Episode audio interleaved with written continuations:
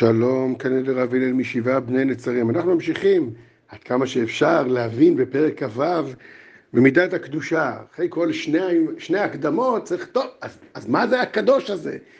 אז אומר המצד שלנו, הוא מתאר לנו את הצורה של הקדוש, עד כמה שאפשר להבין, וההגדרה היא כמובן מופשטת ועמוקה מאוד, שאפילו מעשיו הגשמיים חוזרים להיות ענייני קדושה ממש.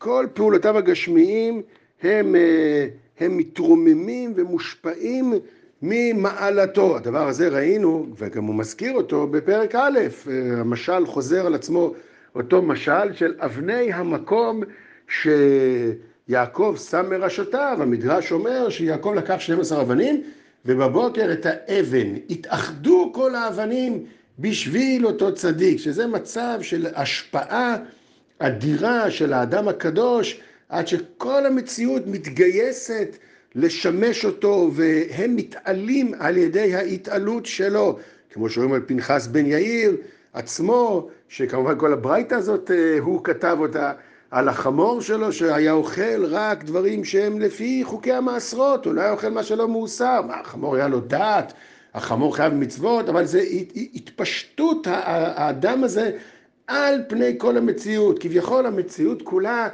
כלפי אותו אדם מתגלה הערך האמיתי, המוחלט, הסיבת הקיום של כל דבר. שצריך כמובן להבחין, ועל ידי ההבחנה אפשר להבין איפה ממוקם הקדוש, והמשרד שלהם עושה את זה. הוא מבחין בין טהור לקדוש, ואני אגיד את זה במילים שלנו.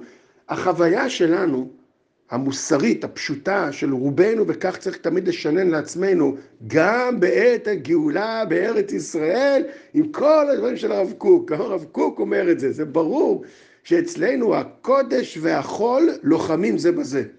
זה לא הולך ביחד. החול אצלנו מגיע לצערנו עד כדי טומאה, לא כי חלילה החול מצד עצמו טמא, אבל בחוויית החיים שלנו נקרא לזה, כאשר החול פוגש אותנו, הוא תמיד מושך אותנו לצדדים החיצוניים שלו.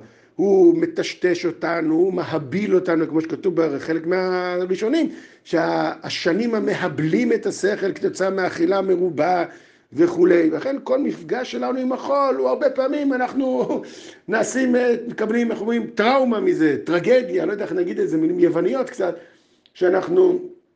זה, זה מוריד אותנו, זה משפיל אותנו, ואז בזהירות גדולה מאוד אנחנו עם מאמץ גדול מצליחים להגיע אולי לשביתת נשק שבנויה בעיקר על מניעה גדולה והקפדה וזהירות והגבלה מאוד גדולה. ולכן עד כדי כמובן הרש"י המפורסם קדושים תהיו פרושים תהיו מבחינתנו בתפיסה שלנו הקדוש הוא פרוש אנחנו לא יכולים לראות את הדברים מהצד של הקדוש מהצד שאנחנו מסתכלים על הקדוש הוא פרוש, הוא, הוא, הוא נבדל מהחול, הוא מאוד נזהר מהחומר והחול ש, ש, שלא יבלבל אותו.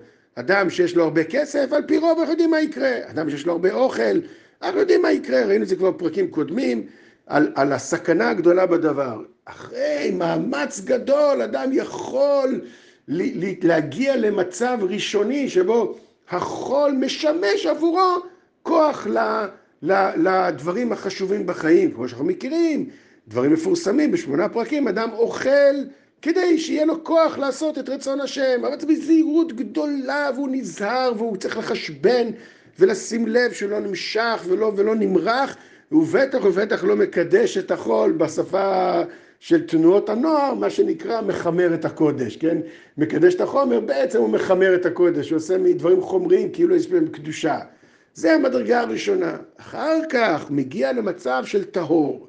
טהור, ראינו את זה, זה אחד השלבים שהם הרבה מעבר למקומות של המקום שאנחנו נמצאים, שנקרא לזה שביתת נשק. החול לא צר לקודש, הקודש לא צר לחול, אבל הם לא, הם לא חברים, הם, הם, הם נבדלים זה מזה. אולי מעין מי שמכיר חזקי המלך בתקופתו, שכולם היו ספונים בבית מדרש, ו, הכוח החומרי של האומה לא הופיע.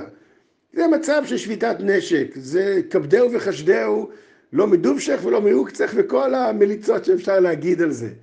הקדוש זה שלב יותר עליון. הקדוש כבר מגיע למצב שהדברים לא סותרים, כי באמת למה שיסתרו?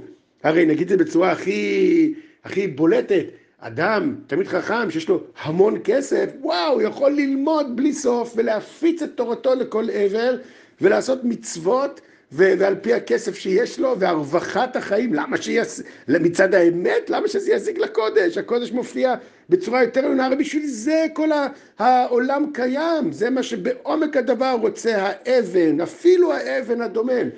והצומח והחי, כל רצונם זה להיות דבקים בריבונו של עולם דרך האדם הקדוש. זה המדרגה של האדם הקדוש, שזו כמובן מדרגה לא נתפסת, אבל אפס משהו, אנחנו יודעים את הכיוון של הדברים מתוך השלילה של מה אנחנו לא יכולים טיפונת להבין על מה מדובר. כל טוב ושבוע טוב.